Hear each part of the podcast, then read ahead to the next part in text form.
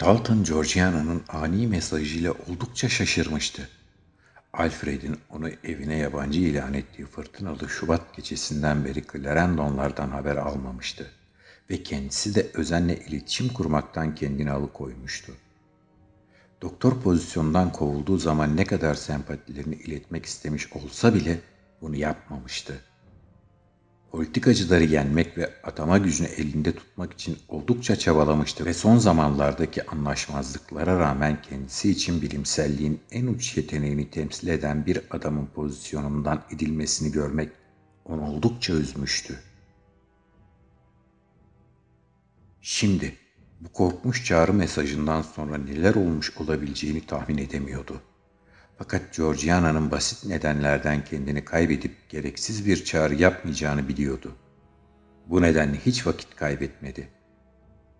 Ve aynı saat içinde Sacramento'dan yola çıkan trene bindi.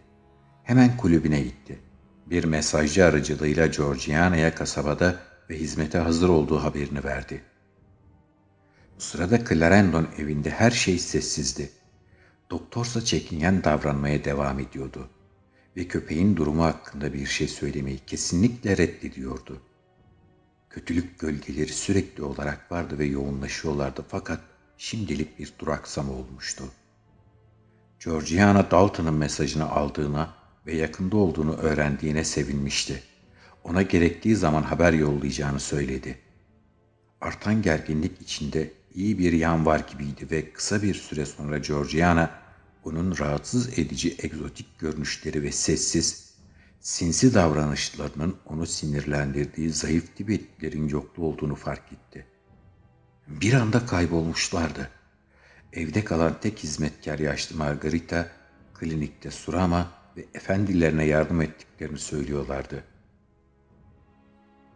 Ertesi sabah, Mayıs'ın 28'inde, Georgiana istikrarsız sakinliğinin sona erdiğini hissediyordu. Kardeşini hiç görmedi. Tek bildiği klinikte şikayet ettiği kobay yokluğuna rağmen çalışıyor olmasıydı. Zavallı Sampo'nun durumunun nasıl olduğunu ve ciddi aşınmalara maruz kalıp kalmadığını merak etti. Fakat belirtilmeli ki Dick hakkında daha çok endişeliydi. Efendisinin tuhaf derecede hissiz ilgisizliği karşısında Surama'nın sadık köpeğe bir şey yapıp yapmadığını merak ediyordu. Dick'in hastalandığı gece Surama'nın görünürdeki endişesi onu çok etkilemişti. Belki de sevilmeyen asistana karşı hissettiği en nazik duyguyu hissetmesine neden olmuştu. Gün ilerledikçe kendini Dick hakkında daha çok düşünürken buldu. En sonunda bu sinirlerini bozmaya başladı.'' Bu detayı evin üzerindeki bütün dehşet hakkında sembolik bir özet haline getirdi ve artık buna dayanamaz hale geldi. O zamana kadar Alfred'in klinikteyken rahatsız ya da ziyaret edilmeme konusundaki buyurucu isteğine saygı göstermişti. Fakat o uğursuz öğlen yaklaştıkça bu engel aşma isteği gittikçe güçlendi.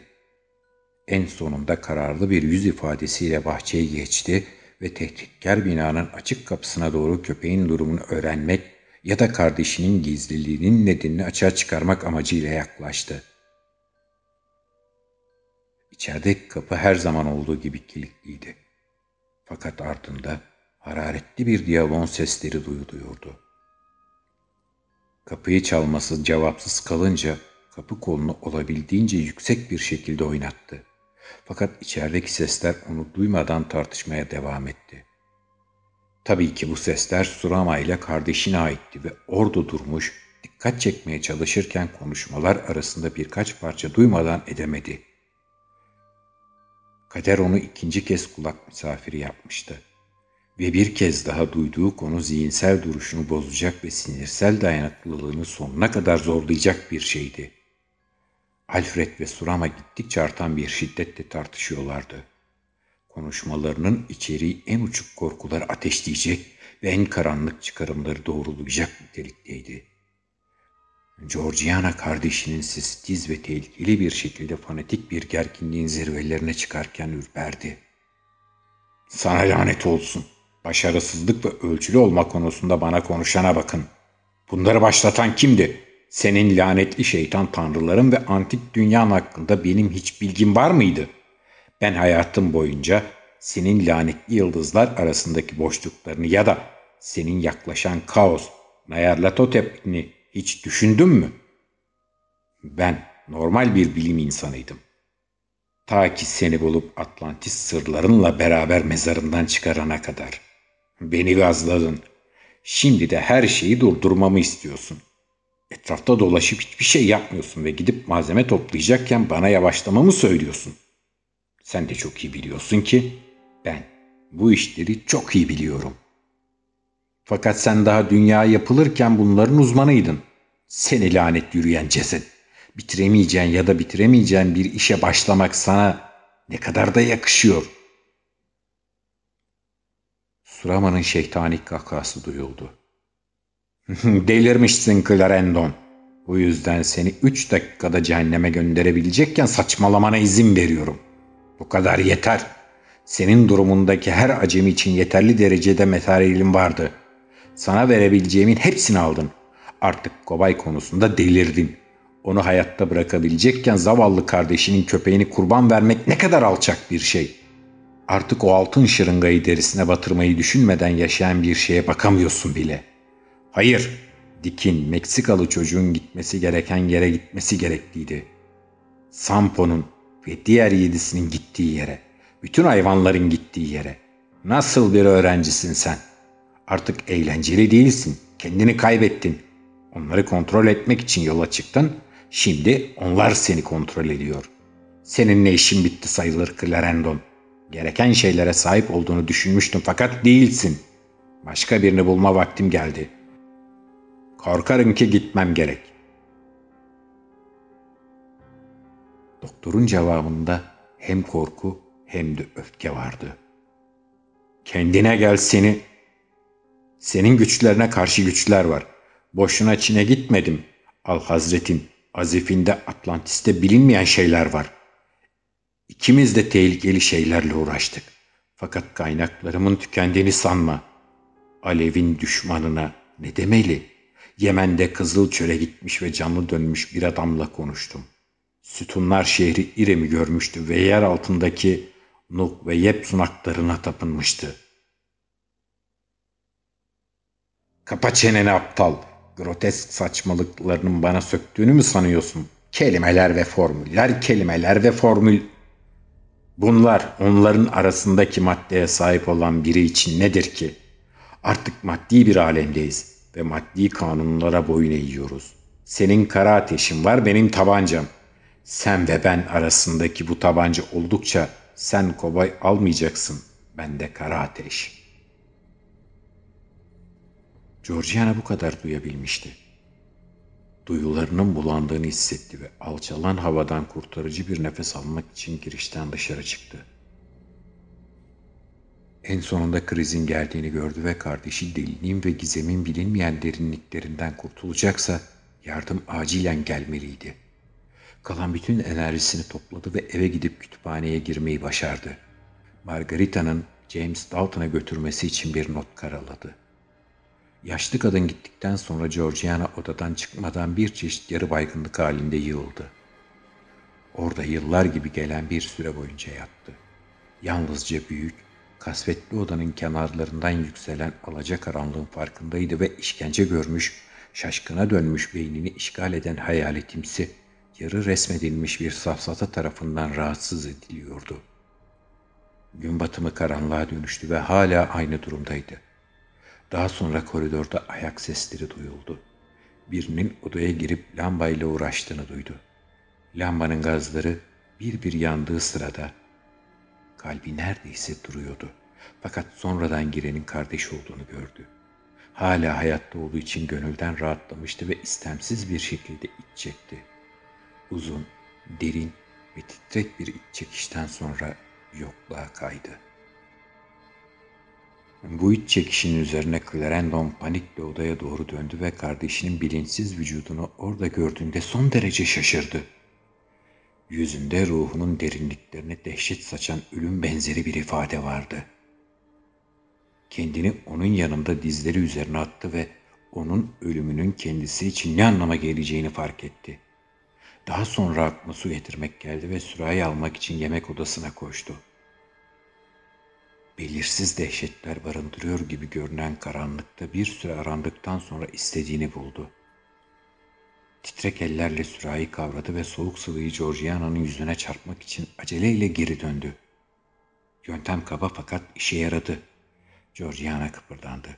İkinci kez iç çekerek en sonunda gözlerini açtı. Doktor, hayattasın diye bağırdı ve kardeşini anaç bir şekilde başını okşarken yanağını onun yanağına dayadı. Georgiana neredeyse bayıldığına memnundu.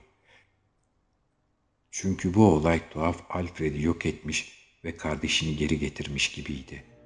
Yavaşça oturur pozisyona geldi ve onu teselli etmeye çalıştı. İyiyim al. Bir bardak su ver yeter. Suyu böyle harcamak günah. Giysimi mahvetmene girmiyorum bile. Kardeşin uyuduğu zaman hep böyle mi yapacaksın? Hastalanacağımı düşünmene gerek yok. Öyle saçmalıklara ayıracak vaktim yok. Alfred'in gözlerinde sakin, mantıklı konuşmasının işe yaradığı anlaşılıyordu. Kardeş içgüdüsünden doğan panik bir anda yok oldu ve bunun yerine yüzüne belirsiz, sinsi bir ifade oturdu. Sanki olağanüstü bir olasılık aklına gelmiş gibiydi.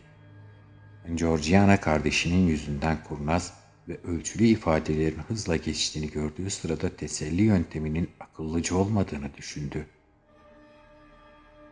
Kardeşi de ağzını açmadan tanımlayamadığı bir şey yüzünden ürperdiğini fark etti. Keskin tıbbi hisleri ona akıl sağlığının tekrar kaybolduğunu ve bir kez daha bilimsel araştırma konusunda uç derecede bir fanatik haline aldığını söylüyordu. Sağlıklı olduğunu söylerken gözlerini kısmasında korkunç bir şey vardı. Ne düşünüyordu? Deney konusundaki tutkusu hangi doğa dışı sınıra ulaşacaktı? Saf kanının ve tamamen mükemmel organik durumunun taşıdığı özel önem neydi? Fakat bu şüphelerden hiçbiri endişelenmiş Georgiana'yı bir saniyeden uzun bir süre rahatsız etmedi ve kardeşinin sabit ellerin nabzını ölçerken oldukça sakin ve endişesizdi. Biraz ateşim var Georgie, dedi profesyonel bir şekilde gözlerinin içine bakarken sert, iyice kontrol edilmiş bir sesle. Saçmalık, ben iyiyim, diye cevap verdi. Neredeyse keşfinin gösterişini yapmak için insanların ateşlenmesini beklediğini düşüneceğim. Fakat son kanıtını ve gösterişini kendi kardeşin ateşini tedavi ederek yapsan şairane olurdu sanırım. Clarendon şiddetli ve suçlu bir şekilde irkildi. İstediği şeyi tahmin mi etmişti? Bir şeyi ağzından mı kaçırmıştı? Doktor kardeşine yakından baktı ve gerçekten haber olmadığını gördü.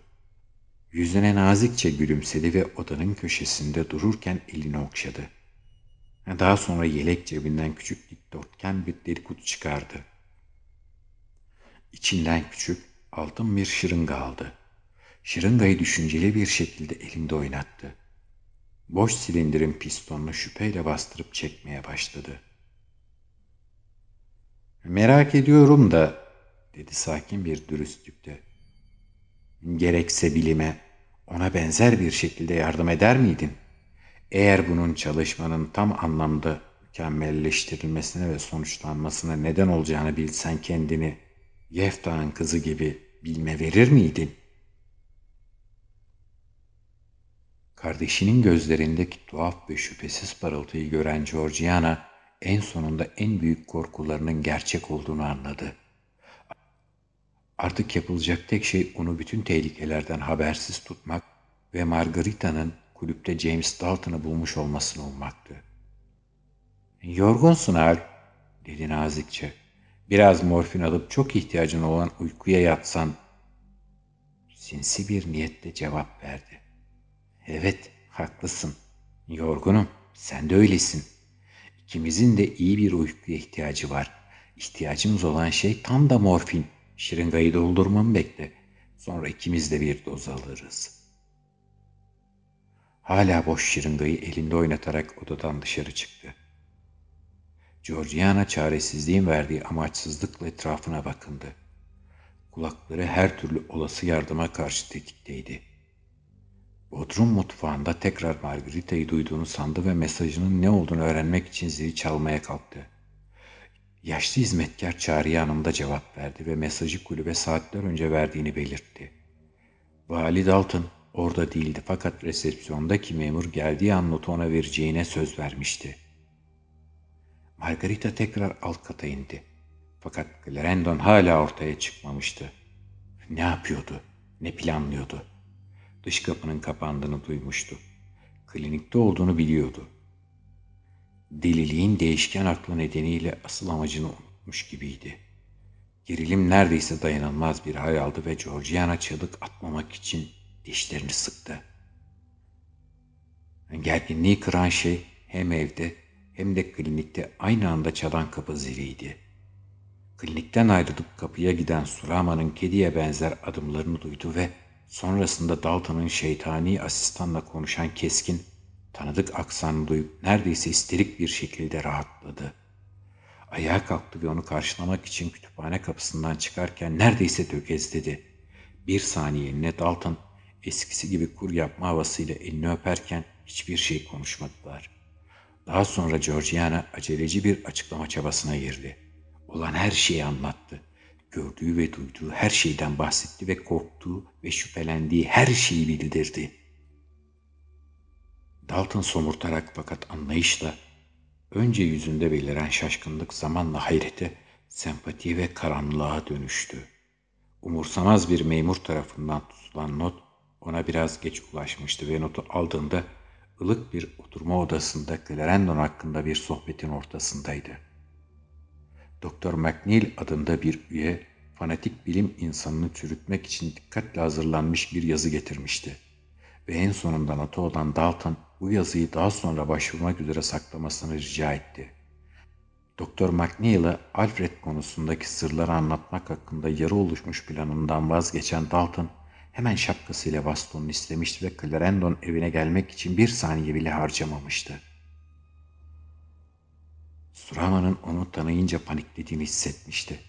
Fakat kliniğe doğru yürürken her zamanki gibi kahkaha atmıştı. Dalton o uğursuz gecede Surama'nın yürüyüşünü ve kahkahasını iyi hatırlıyordu. Çünkü o dünya dışı yaratığı bir daha görmeyecekti. Kahkaha atan adam kliniğin girişine ulaştığında derin, boğuk sesleri uzak ufuklarda gürleyen gök gürültüsünün kısık mırıltılarına benziyordu. Dalton Georgiana'nın anlattıklarını dinledikten ve Alfred'in her an morfin dolu bir şırınga ile döneceğini öğrendikten sonra doktorla yalnız konuşması gerektiğine karar verdi. Georgiana'ya odasına gitmesini ve gelişmeleri beklemesini tavsiye ettikten sonra kasvetli kütüphaneyi dolaştı. Dışarıdaki klinik yolunda Clarendon'un endişeli adımlarını dinledi. Büyük odanın kenarları lambaya rağmen loştu ve Dalton arkadaşının kitaplarına baktıkça onlardan daha da az hoşlanıyordu.